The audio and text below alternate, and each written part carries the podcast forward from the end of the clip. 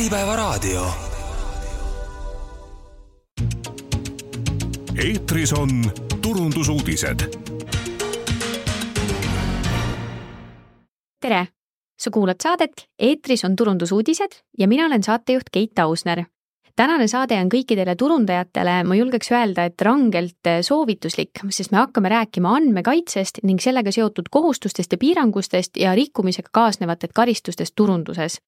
alates esimesest novembrist kaks tuhat kakskümmend kolm jõustus uus karistusseadustiku redaktsioon, mis tähendab, et GDPR-i rikkumise tagajärjel ei pea piirduma Eestis tegelikult enam pelgalt noomitusega, et võivad kõik ees oodata ka rahatrahvid selle teemalist saadet Soraneini advokaat Liisa Kuuskmaaga saate kuulata järele veebilehelt bestmarketing.ee. aga nüüd tänase teema juurde ja, ja ma olengi kutsunud täna saatesse Andmekaitse Inspektsiooni menetlusvaldkonna juhi Liisa Ojangu, tere Liisa! tere! ja Liisa, ma loodan, et sina oskad meile seda teemat natukene avada, et mida me turundajatena siis tegelikult teha tohime ja kuidas neid andmeid tohime kasutada. aga alustame täitsa algusest. räägi, milliste kaebustega täna teie poole kõige rohkem pöördutakse, mis puudutab just turundustegevusi? No eks ikka sellised äh, klassikad, et, ähm, et mulle tehti müügikõne, mulle ei öeldud, äh, kelle nimel helistati või kust helistati ja peamine asi, mis siis häirib, on see, et äh, ei öeldud, kust minu andmed saadud on. ehk et käib, käib ringi selline linnalegend inimeste hulgas, et kuskil on selline andmebaas, kus on inimeste nimed ja numbrid kõik juures ja sealt siis muudkui helistatakse aga loomulikult ka e-kirjad, ega, ega keegi ei taha neid eh, spämmikirju ka eriti saada ja ja, ja tihti kas ei olegi nõusolekut siis võetud e-kirja saatmiseks, turundusliku e-kirja saatmiseks, või on inimene andnud selle kuidagi niimoodi muuhulgas teiste nõusolekutega koos, et ta tegelikult ei saanudki aru ja ta on ikkagi pärast ebameeldivalt üllatunud, et ta mingisuguse e-kirja sai aga jah, laiemalt äh, just see, et kus siis inimese andmed üldse saadud on erinevate turunduspakkumiste tegemiseks ja, ja selle selline läbipaistvuse puudumine, et kes helistab kelle nimel, mida müüakse ja mida siis tegelikult taotletakse. ja kui inimesed saavad selliseid müügikõne, siis nad tõepoolest pöörduvad pärast Andmekaitse Inspektsiooni, kui nad on häiritud sellest kõnest? ja loomulikult ja enam ei ole see sellisel tasandil, et mulle tuli mingi kõne ja et ma ei tea, kes helistas, et tehke midagi, et nad on nüüd pannud ilusti numbri kirja, nad on pannud kirja, mis kelle helistati, kellena ennast esitleti, vahel isegi selle helistaja nimi välja peilitud, et äh, nad ikkagi äh, tahaksid tõsiselt seda menetletaks kas ähm, nüüd ettevõtte seisukohast, kas ähm, kui, kui klient küsib, et äh, kust te mu andmed saite helistamiseks, kui detailselt näiteks inimene, kes seal kõnes on, ütleme kasvõi siis müügikonsultant, kui detailselt tema peaks suutma ära selgitada seda, kust need andmed pärinevad? Noh, ega siin ilmselt sellist paragrahvi annab murda ja väänata, et noh, põhimõtteliselt võiks öelda, et inimene eh, ja tema taotlus selle kohta, et anda talle lisainfot andmete töötlemise kohta, võib ka täita ju eh, kuni ühe kuu jooksul. aga noh, ma ei, ma ei tea, kui head muljet see jätab sellest ettevõttest, kelle, kelle selline esmane esindaja, kliendiga kokku puutuv inimene ei oska talle midagi öelda. et mina kindlasti ei sooviks sellise, sellise teenindajaga võib-olla müügijuttu jätkata ja eriti, kui mulle on algus, alguses öeldud ka, et see kõne veel salvestatakse ka, et see on täiesti arusaadav, et inimene nii-öelda põhilistele küsimustele peaks saama ikkagi sellelt teeni-, teenindajalt äh, või telefoni äh, helistajalt siis vastused. kas äh, siin on erisus ka erakliendi ja ärikliendi vahel?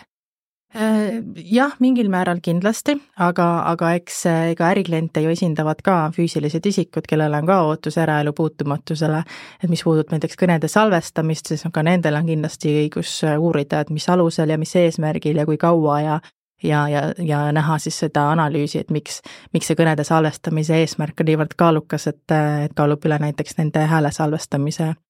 eh, kui, kui privaatsuse mm, riive kas see erakliendi eh, andmeid ja just nagu telefoninumbreid täna üldse on veel õigust kuidagi andmebaasina osta? Ütleme nii, et äh, GDPR ehk siis äh, ICÜM, kui äh, märgin juba ära, et ma vahepeal kasutan seda sõna, et me kasutame ise andmekaitse inspektsioonis ICÜM ehk et isikuandmete kaitse üldmäärus või me katsume selliseid eestikeelseid lühendeid ka juurutada kõrvale. ICÜM selle kohta täpsemalt midagi ei ütle, küll aga on Euroopa Andmekaitse Nõukogus, mis siis on see platvorm, mis ühendab kõikide Euroopa Liidu riikide andmekaitseasutusi, neid arutelusid peetud laiemalt, et kas isikuandmeid üldse võib müüa, eelkõige selles kontekstis, et kas inimene ise võiks oma andmeid müüa ja jõutud sinnamaani, et praegune regulatsioon seda justkui ei võimalda, aga Euroopa on selles mõttes nagu kaheks läinud, et näiteks Lõuna-Euroopa riigid arvavad, et andmete müümine on samastatav organite müümisega ja see ei tohiks nagu põhimõtteliselt olla võimalik aga noh, tõsi ta on, et isikuandmed tihti on ka ju äh, äri, äri osa ja, ja omandi osa nii-öelda et, ähm, et sellel ei ole nagu head lahendust, aga kindlasti äh, sellega ju kaasneb isikuandmete töötlemine, ehk et kui keegi ka mõtleb selles suunas, ilmselt tasuks siis konsulteerida õigusspetsialistiga, et mis need riskid on ja mis eeldused peaksid üldse täidetud olema. aga meil on äh, AKIS äh, mõned menetlused käimas, kus me katsume sellele ka sellise õigusliku hinnangu lähiajal anda kuna ärikliendi andmed tihti on tegelikult näiteks nende endi kodulehel avalikud, kas neid võib äh, nagu lihtsamini kasutada? Äh, jah, selles osas on, äh, on regulatsioon pisut paindlikum, et kui tähendab, neid ärikliendi esindaja andmeid siis võib kasutada turunduslikel eesmärkidel, aga kui tema keelab nende andmete kasutamise, siis, siis tuleb see ka ära lõpetada Äh, me rääkisime siin emaili turundusest äh, ka, et, et ka emailide puhul tegelikult äh, pöördutakse ja sa mainisid, et kliendid tihtipeale ei mäleta, kas nad täpselt selle jaoks andsid õiguse või kas see õigus oli kuidagi nagu peidetud, on ju, kuskile alla tingimuste sisse kuidas see, kuidas sellega on, et tegelikult mulle tundub, ma nüüd võib-olla väidan, väidan täiesti vale, aga mulle tundub, et inimesed väga lihtsalt klikivad nõustun tingimustega või privaatsustingimustega, ilma et neid läbi loeks, on ju, et ja, ja tihtipeale seal sees on ka peidus, peidus või noh, see sisaldab seda infot, kuidas neid müügipakkumisi nagu edastatakse. et kui palju nagu juhtub seda, et klient pöördub, on pahane, et ta sai kirja, aga siis protsessi käigus selgub, et tegelikult ta on ise kuskil siis selle linnukese teinud ja nõustunud jaa, aga siin äh, paraku ei saa seda inimest süüdistada, et andmetöötlejal ehk siis sellel ettevõttel on kohustus äh, tegelikult isikuandmeid, isikuandmete töötlemiseks nõusolek võtta kõigest muust eraldi ja see ei tohi ka olla ette täidetud linnukene, et see eeldab ikkagi inimesel sellist eraldi nõusoleku ja linnukese andmise kohta, et kui see on kas eeltäidetud või muu äh, nõusolekuga koos või näiteks kasutustingimustega koos, siis tegelikult seda ei loeta üldse kehtivaks nõusolekuks, ehk et sellel inimesel on põhjust pahane olla. ehk et, et see nõusolek peab olema selline, mida inimene siis reaalselt mäletab ka ja ta saab otsustada, et jah, tõepoolest ma tahan äh, oma nõusoleku anda turunduse-e-kirjade saamiseks näiteks ehk siis, kui näiteks eh, e-poes on ostu käigus nagu kohustuslik nõustuda eh, tingimustega, privaatsustingimustega, siis tegelikult eh, seal tingimuste sees ei tohiks olla see, et sinu emaili hiljem siis kasutatakse müügipakkumiste tegema või turundussõnumite edastamisega, vaid see peab olema eraldi veel välja toodud. just, täiesti eraldi. ja tegelikult see on ka üsna levinud eksiarvamus, et andmekaitse tingimustele tuleks võtta mingisugune nõusolek. tegelikult ei ütle GDPR midagi midagi selle kohta, et sellega tuleks nõustuda, et need, see info andmete töötlemise kohta tuleb lihtsalt teha kättesaadavaks. Inimesele, see ei eelda mingisugust linnukest või allkirjastamist, et ta on neid lugenud, et piisab sellest, kui sa tõendad, et noh, ma olen loonud võimaluse või, või viidanud, et nende andmekaitse tingimustega saab siin tutvuda, et mulle näib tõesti, et need on nagu ühte patta pandud kasutustingimustega, millega siis äh, reguleeritakse ka osaliselt ka õigussuhet, aga tegelikult andmekaitse tingimused ei ole üldse sellised asjad, millega peab nõustuma, need peavad olema lihtsalt kättesaadavaks tehtud. Ja tihtilugu selle eksiarvamuse läbi siis võetakse, ettevõtted võtavad ka seda nõusolekut nii-öelda mitte nõuete kohaselt, ehk et koos kõige muuga sa ütlesid, et äh, klient ei ole siin süüdi, kui klient ei saanud aru, et, et ta nõustus, on ju, äh, mingisuguste tingi-, tingimustega saada neid äh, pakkumisi, ehk see kohustus lasub tegelikult ettevõtetel need tingimused korda teha. jaa, igal juhul. mis sinu hinnang täna on, kui hästi Eesti ettevõtted seda teevad? No kindlasti on arenguruumi, kas või isegi e-poest ostes, et kui ma seda ostu soo-, sooritan seal, siis äh, on võib-olla poole teeni jõutud äh, sellega, et äh, on linnukese koht, et nõustun kasutustingimustega, see on eeltäidetud või, või ei ole kumbki eeltäidetud ja järgmine, et nõustun saama turundusteateid, eks ole, siis inimene lihtsalt selleks, et jõuda sellest osturägastikust lõpuni, paneb igale poole linnukesed ära ja tegelikult ta ei ei, ei süübi, mille talle need linnukesed pannid või noh, veel hullem, kui see on ette täidetud, aga noh, inimeste ostukäitumises või sellises ostu vormistamises on see, et ah, panen kõik linnukesed ära, et siis ma saan ruttu mm -hmm. sellega lõpuni, eks ole, et tihti ka sealt tuleb natuke selliseid Ähm, kohti, kus, kus on see eksimisvõimalus ka ettevõtetele, eks ole, et tegelikult me ju ei tahaks või ma usun, et ükski ettevõte ei taha oma potentsiaalseid või olemasolevaid kliente nii-öelda pahandada, et saata talle midagi, mida ta ei taha, aga kui see nõusoleku võtmine on niimoodi üles ehitatud, et inimene ei, noh, puhtinimlikult ei jõuagi sinna süübida, või tal natuke isegi nii-öelda petetakse see välja seal ostmise, vormistamise juures, noh siis, siis see tihti nii ikkagi välja kukub kuidas see protseduur täna välja näeb, et kui teie poole pöördub üks murelik klient, kes ütleb, et tal on selline olukord, et sai neid müügikirju ja ei tea, et ta on nõustunud nende, nende pakkumistega ja te tuvastate, et sellel tõesti ettevõtte kodulehel on see valesti lahendatud, on ju, et see pakkumine on seal tingimuste sees peidus, siis milline see teiepoolne lahendus täna on, kuidas te ettevõtte poole pöördute? No me praegu oleme võtnud lähenemise, et me siis eh, esimese sammuna saadame kirjalikult tähelepanu juhtimise selle ettevõttele ja, ja ütleme, et vaata palun see ja see asi üle. me praegu täiendavat menetlust ei alusta, aga kui te peaksite meie radarisse veel sattuma või me saame veel kaebusi, et siis me alustame juba järelevalvemenetluse, mis siis kas võib päädida ettekirjutusega või halvemal juhul trahviga kas täna Eestis, äh, ma siin saate alguses just ütlesin, et siin esimene november kaks tuhat kakskümmend kolm tegelikult jõustus see, et võib teha selle, nende GDPR-i rikkumiste eest ka rahatrahve, et kas täna Eestis juba on ettevõtteid, kes on saanud rahalise trahvi? Äh, jaa, ja ma täpsustan, et äh, enne novembrit võis loomulikult ka trahve teha, see oli pigem selline Eesti õigusruumi keskne mm, takistus, et küsimus jäi noh, juriidilises keeles hästi eh, keeruliselt sinnamaani, et sul ei olnud võimalik eh, leida seda konkreetset füüsilist isikut, kes siis selle ettevõtte nimel vastutas, aga mm -hmm. nüüd kaotati see füüsilise isiku vahepealne vastutuse kohustus sealt ära, ehk et saab minna otse ettevõtte juurde, eelkõige mis siis puudutab mingite nõuete täitmata jätmist aga noh, praegu eh, trahvi, trahvi näide juriidilist isikust on ikkagi ainult veel meditsiinivaldkonnast, ehk siis Ida-Tallinna Keskhaigla seoses andmete nii-öelda vale utiliseerimise äh, mene-, või protsessiga. aga, aga meil on päris mitmeid väärteomenetlusi ka praegu töös, nii et ilmselt on lähiajal kuulda uudiseid nendest äh, teistest äh, juriidilistest kehadest, kes siis on, saavad trahvi kas seal on ka mõningaid just selliseid nagu turundus, ütlemegi nende müügipakkumiste, turunduse ja müügiga seotud probleeme? Äh, otsapidi kindlasti, noh näiteks meil on laual juhtum, kus, äh, kus üks ettevõte reaalselt tegelebki siis isikuandmete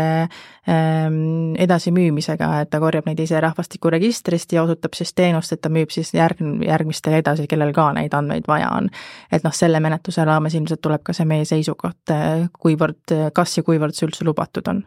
et äh, aga noh, kui sellega käivad veel käsikäes sellised äh, selline läbipaistmatu olukord inimese ja kliendi jaoks, siis, äh, siis see kindlasti võib äh, tähendada trahvi ehm, no sa mainisid, on ju, noh, rääkisime sellest, et kampaania tingimuste seas ei tohi peidus olla tegelikult see müügipakkumisega nõustumine, aga millised on veel sellised levinumad vead, mida võib-olla andmekorjami-, andmete korjamisel tehakse, millest isegi ehk teadlikud ei olda? Mulle näib, et selline pandeemia mõõtu on see, et kogume igaks juhuks hästi palju erinevaid andmeid, et äkki noh, et täna me näiteks ei tee telefoninumbriga midagi, aga mine tea, äkki me järgmine aasta tahame midagi teha, et andmekaitsereeglid kindlasti ei luba sellist igaks juhuks andmete kogumist, et sa pead ikkagi väga konkreetselt selle eesmärgi ära määratlema, milleks sa seda kogud, kui kaua sa säilitad, millal sul eesmärk täidetud on. Et praegu on hästi palju sellist, et võtame, võtame igaks juhuks noh e, emaili niikuinii, siis telefoni ja noh, halba ei teeks ka kodune aadress, et äkki meil tuleb mingi hea mõte, kuidas ka seda ära kasutada. et see andmekaitse vaatest ja põhimõtetega kokku ei lähe aga kus see nagu äh, piir jookseb, et üks asi on need isikuandmed, aga kui ma tahan profileerida oma klienti ja küsida neilt, äh, mis teemad neid huvitavad või mis tooted neile huvi pakuvad kõige enam või nii, kas sellised asjad on kergemini reguleeritud, et neid andmeid ma võin koguda ja hoida? noh, meil on äh, selles samas üldmääruses selline mõiste nagu õigustatud huvi, ehk et kui ettevõte suudab ära põhjendada ja tuua need eesmärgid välja, et miks need on väga kaalukad, ja, ja tuua ka teiselt poolt välja, et miks see inimesele siis äh, kahjulikke tagajärgi kaasa ei too ja või teda, tema eraelu puutumatust ülemäära ei riiva, siis ei saa välistada, et see võib olla põhjendatud. aga see on alati selline kaasuspõhine hindamine, mis sõltub sellest, et mis andmeid ähm,, ähm, kuskohast neid andmeid koguti, kui kaua säilitatakse ja mida siis nende andmetega ikkagi teha tahetakse. pluss siis alati tuleb silmas pidada seda, et kui inimene siis saab äh,, saab teada ja ta peab saama teadma sellest, eh, kui tema andmeid tema kohta on kuskilt kogutud kuu aja jooksul pärast nende andmete saamist, eh, võib ta esitada ka vastuväite, kus siis seesama ettevõte peab uuesti tegema selle kaalumise juba natukene põhjalikumalt läbi ja võtma arvesse siis selle konkreetse inimese vastuväited, et miks tema elu see kõvasti segab, kui selline andmetöötlus aset leiab. et siis see tõendamiskoormus läheb nagu veelgi rohkem selle ettevõtte kätte, et ta peab siis ütlema, et vaata, minu eesmärgid on niivõrd kaalukad ja sinu äh, tunne privaatsuse riive suhtes ei ole niivõrd kaalukas, et me leiame, et see jätkuvalt on nagu õiguspärane töötlemine. no ja kui nad omavahel äh, siis äh, konsensust ei saavuta, siis, siis tuleb inimene Andmekaitse Inspektsiooni ja inspektsioon hakkab siis hindama seda, kumb siin kaalukamate argumentidega on kas on kuidagi näha eh, mingisugust eh, trendi ka inimeste pöördumises Andmekaitse Inspektsiooni, et on see püsinud samal tasemel või on seal olnud mingisuguseid hüppelisemaid kasve? ma pigem ütleks, et on selline pigev, eh, pidev kasv, et inimeste teadlikkus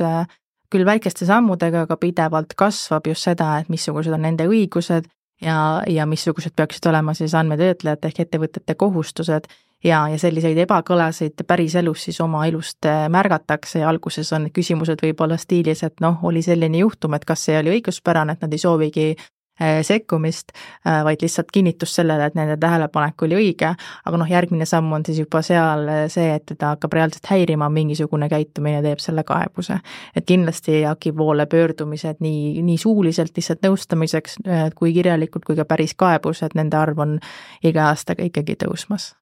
kuidas on lood näiteks loosimängudega, et tihtipeale loosimängude käigus ka küsitakse erinevaid äh, andmeid, on ju küll, noh näiteks võitjaga ühendust võtmiseks ja niimoodi, ka kuidas neid andmeid tohib koguda, kui kaua neid tohib talletada ja kas neid andmeid ka õigustatud huvi alusel pärast võib natukene töödelda?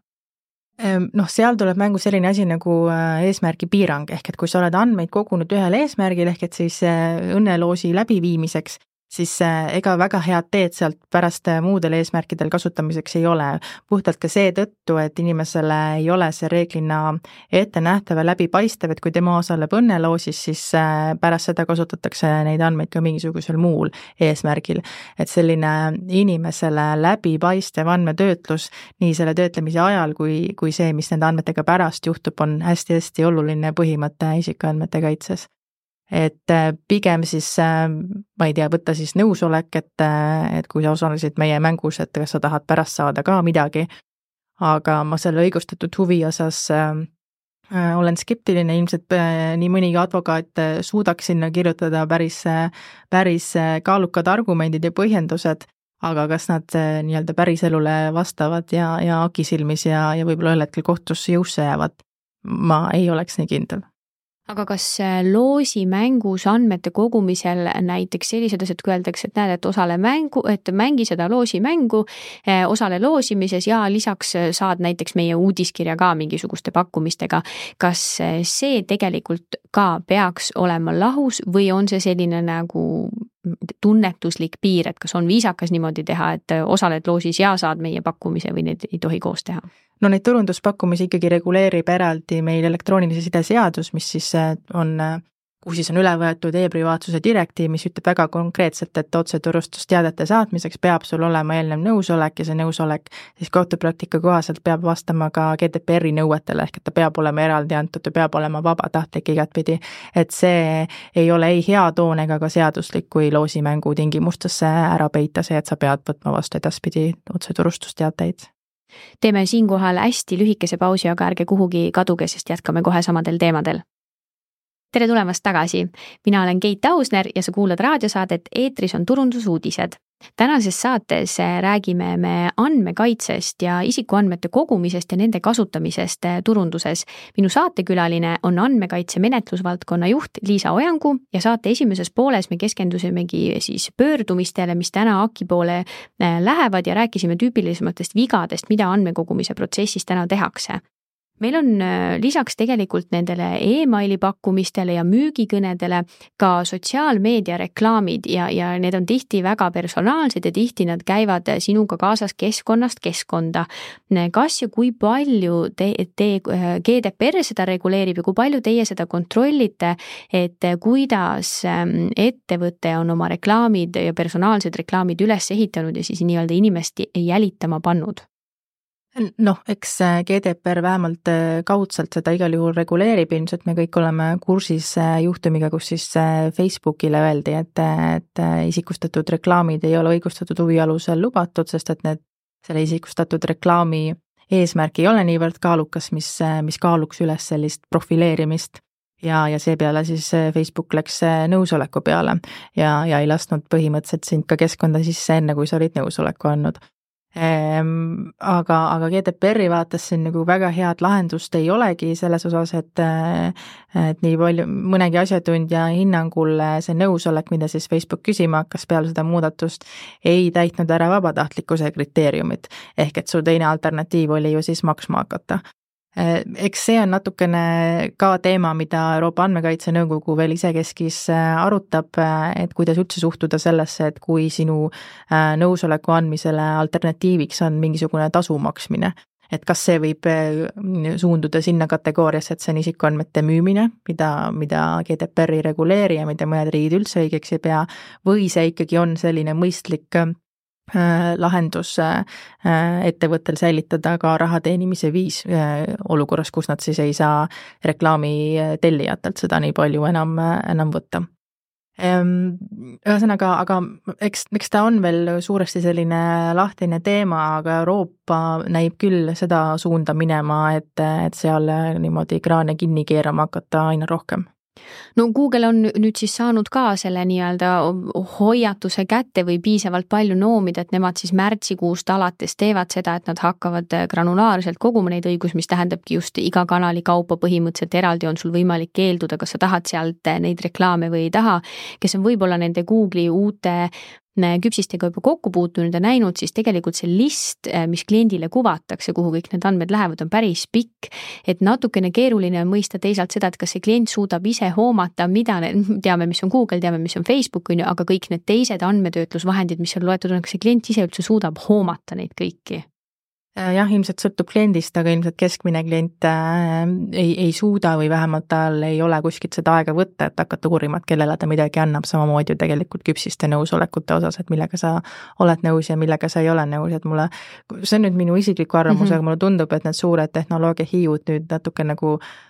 mõnitavad seda GDPR-i, et noh, anname siis jah, inimesele hästi suure valikuvabaduse ja, ja nõusolekute andmise ja siis loovad siis selle olukorra, et sa ei saagi lehele enne, kui sa oled andnud tohutus hulgas nõu-, nõusolekuid või linnukesi või midagi läbi lugenud, mis inimestele on ju ka tohutult ebameeldiv, et siis kallutada sinnamaani, et, et see andmekaitse on üks tüütu ja, ja vastik bürokraatia. kuigi noh, andmekaitse mõte anda kontroll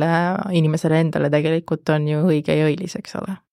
jah, ja, ja tundub ka see, et kas inimesed täpselt saavad äh, aru, millega nad nõustuvad või millest nad keelduvad, on ju, et tegelikult see on nagu väga keerukas juba maailm ja see, kuidas need andmed liiguvad seal. aga kas teie poole selliseid pöördumisi ka on olnud, et, äh, et klient on, äh, ma ei tea, käinud siis kuskil kodulehel ja mingisugune reklaam on hakanud teda jälitama ja ta tunneb, et ta seda ei taha?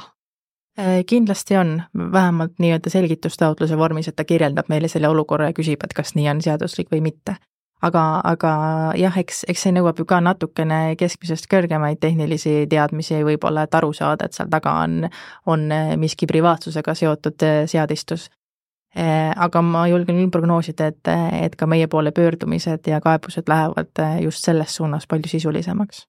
millised teie võimalused täna selle nagu kontrollimiseks üldse on, sest et noh, see, need, need reklaamid, mida klient ju näeb, on tema personaalses seadmes, on ju, need võivad olla mingisugune ajutine hetk, kui see reklaam nagu tei-, talle üldse ennast näitab, et kuidas see klient seda esiteks tõendada saab ja kuidas teie seda üldse kontrollida saate? no kliendid üldiselt on nutikad ja teevad kuvatõmmised ja, ja saadavad need siis meile ka eks, eks siin on ka meil arenemisruumi, et kuidas, kuidas me oma tehnoloogilist võimekust äh, tõstame, et kõiki selliseid aspekte kontrollida. Äh, mina nüüd ei ole tehnoloogia inimene, aga ma arvan, et meie tehnoloogia ja andmeturbe ekspert kindlasti oskaks täpsemalt rääkida, et kuidas me selliseid olukordi siis äh, lahendame, et päris, päris jõuetud me kindlasti ei ole lihtsalt võib-olla küsimus on selles, et eh, mis, eh, mis riigi veebilehega tegemist on. et kui see nüüd on mõne teise Euroopa Liidu eh, riigi hallatav leht, siis, siis me võime talle küll temaga ühendust võtta, öelda, et kuule, vaata, siin on sul halvasti, aga noh, tema ei ole meie jurisdiktsioonis, et sellisel juhul me peaksime selle kaebuse saatma lahendamiseks siis vastava riigi andmekaitseasutusele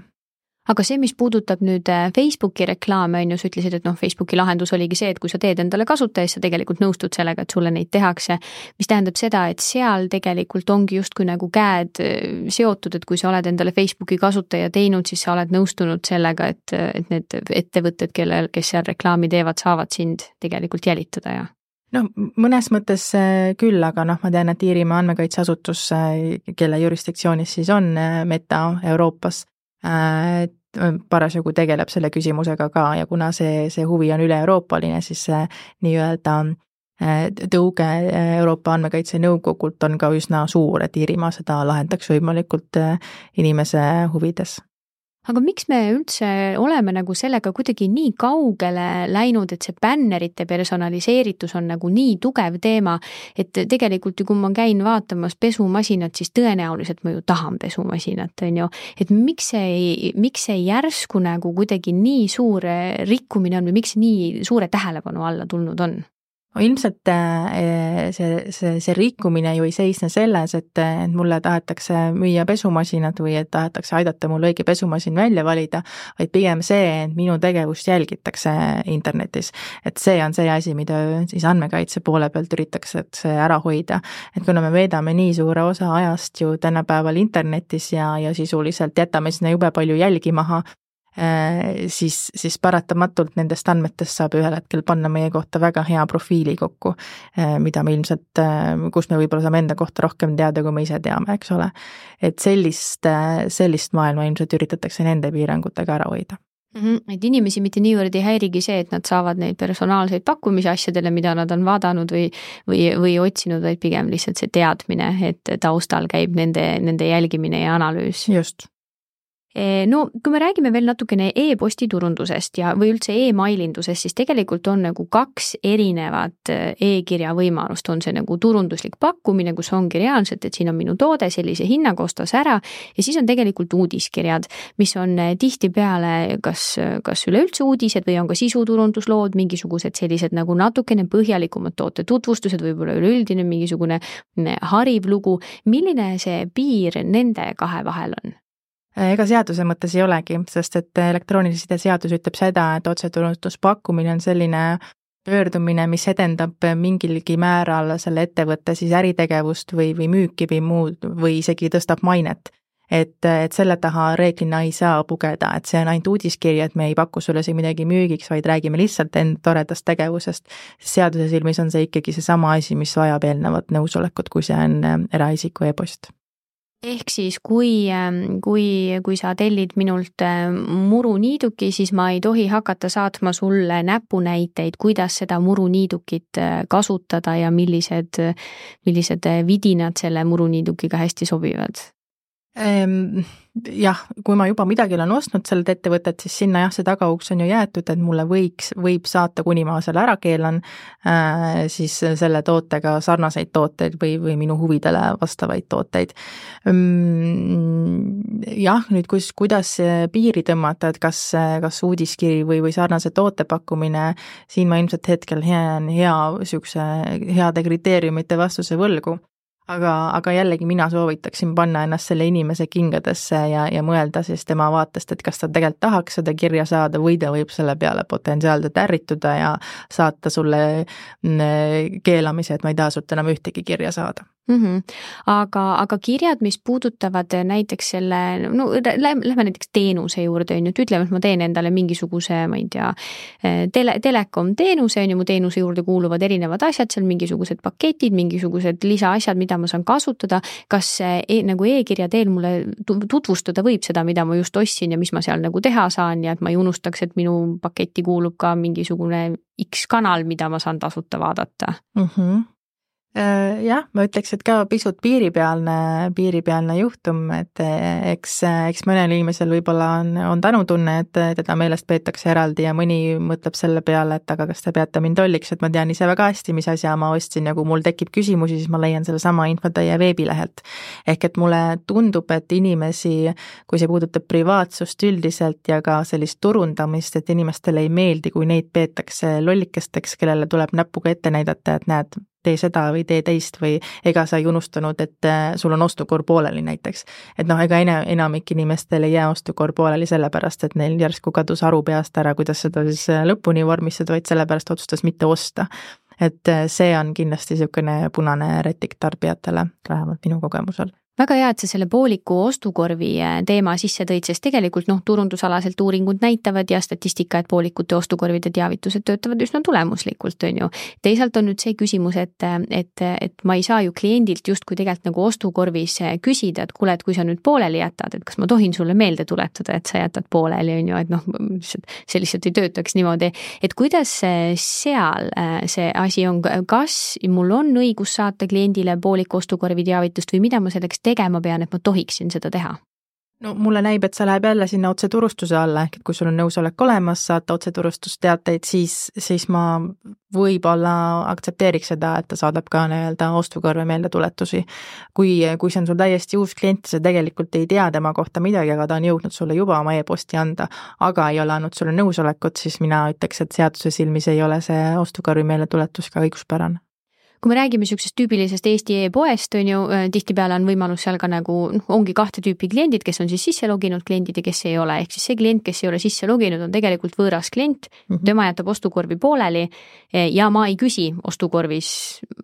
ma isegi, et ma ei küsi ostukorvis, et kas sa nagu oled nõus seda saama, on ju, siis tegelikult ma ei tohi talle seda saata. Ja kui ma ka seda ostukorvis küsin, ta peab kuidagi eraldi sellega nõustuma, mitte poole pealt siis ära minema, mis pooliku ostukorviga juhtub jah, mina, mina olen küll seda meelt aga, aga kui mul on, kui see klient on näiteks sisse loginud ja mul on tema andmed olemas ja, ja ma olen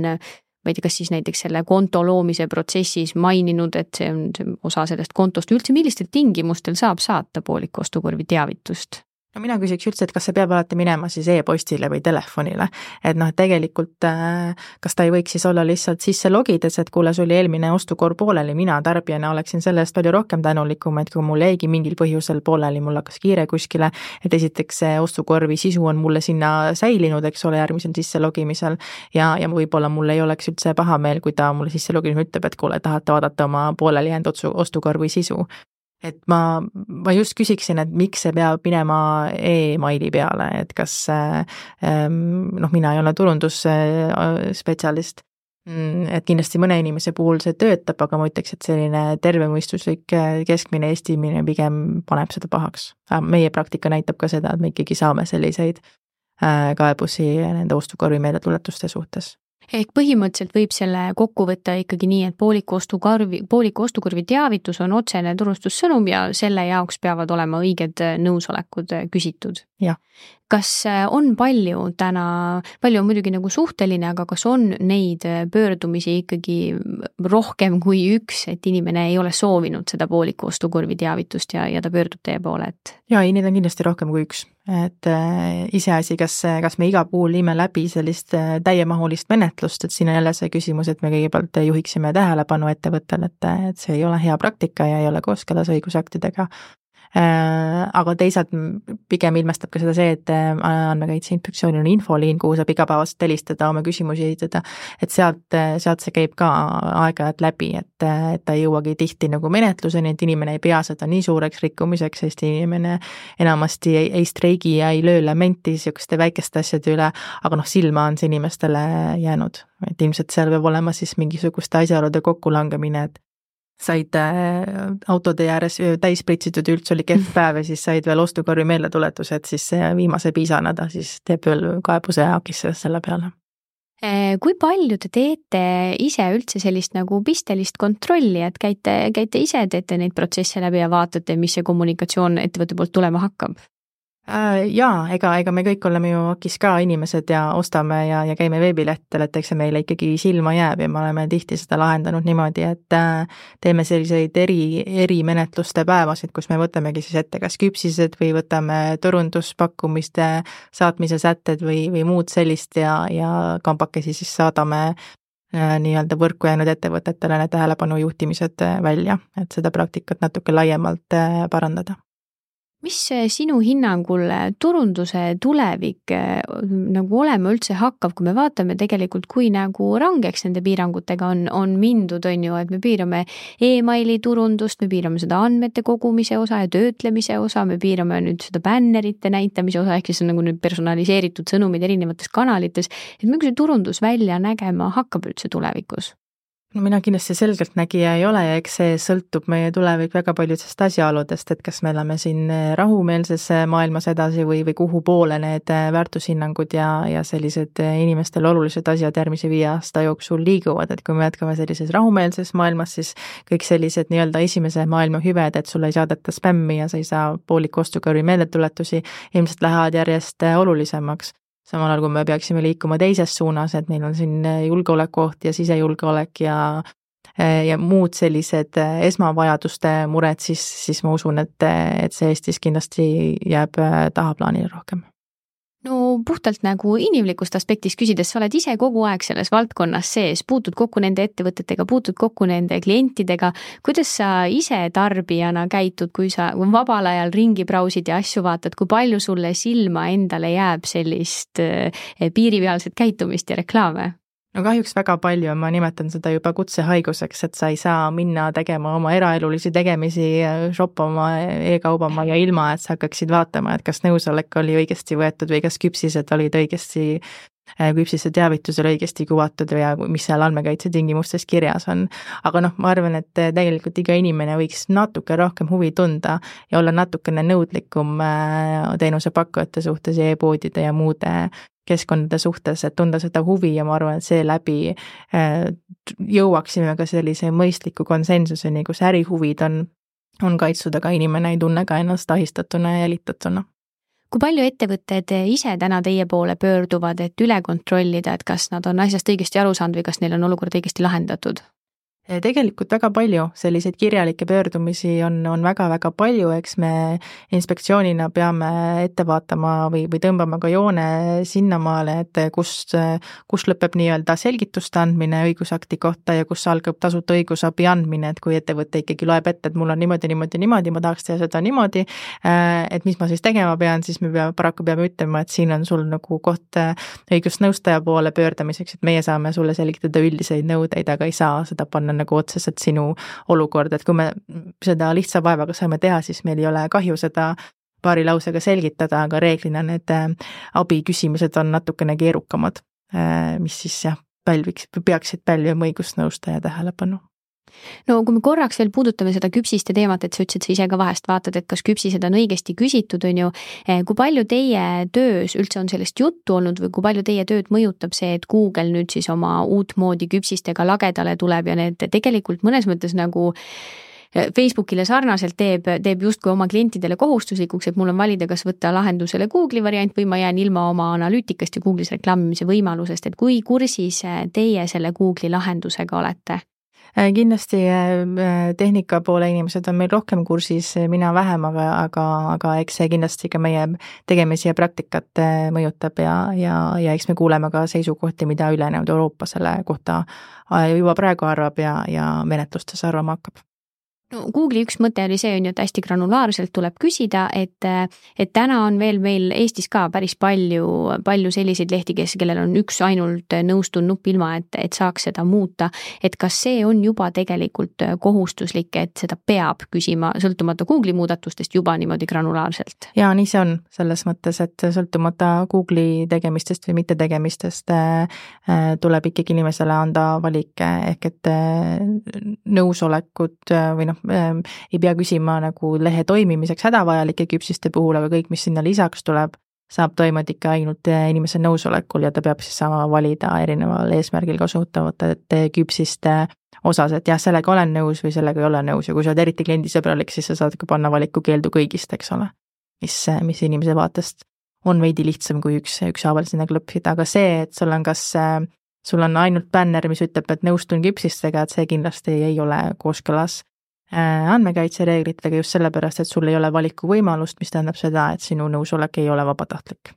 üks äh, viimane küsimus veel nende küpsiste kohta, et, et on osa küpsised siis, mis on nii-öelda lehe toimimiseks vajalikud, et kas need võivad olla kohustuslikud, et ilma nendega nõustumata sa lehte kasutada siis ei saa? Jaa, kui need tõesti on lehe toimimiseks hädavajalikud, siis äh, need on nii-öelda kohustuslikud, mille kohta ei pea iseenesest eraldi nõusolekut äh, küsima või, või selle kohta võib nõusolekut siis eeldada, aga kõik teised peavad olema nõusoleku alusel. kas see küpsiste teema on Eesti ettevõtetele nagu selge teema või nad pöörduvad nende küsimustega ka veel palju teie poole? Mulle näib, et see on Eesti ettevõtete jaoks selline pseudoprobleem ehk et selline bürokraatia, et nad, äh, kui, kui nad meie huviorbiiti satuvad mõne kaebuse või, või seire tulemusel, siis nad on selle valmis äh, korda tegema, aga, aga selliseid küsimusi, et kuidas on õige küpsiseid võtta, meile otseselt võib-olla ei tule nii palju, aga see ilmselt on meil ka adekvaatne materjal siis veebilehel selle kohta. Ja üleüldse on selle kohta infot ilmselt veebis päris palju leida aga noh, ega, ega ka see on eh, ju kulu, ehk et kuni, kuni keegi ei kaeba või, või ei käse seda ringi teha, siis eh, võib-olla selline keskmine ettevõte ei, ei, ei rutta seda korrastama. kas see on ka midagi, mille mitte korda tegemise eest võib ees oodata rahaline trahv? Äh, jaa, põhimõtteliselt ikka, sest see on ka isikuandmete nõuete rikkumine, GDPR-i rikkumine, ehk et seesama nõusolek ei ole äh, nõuetekohane, mis tähendab seda, et siis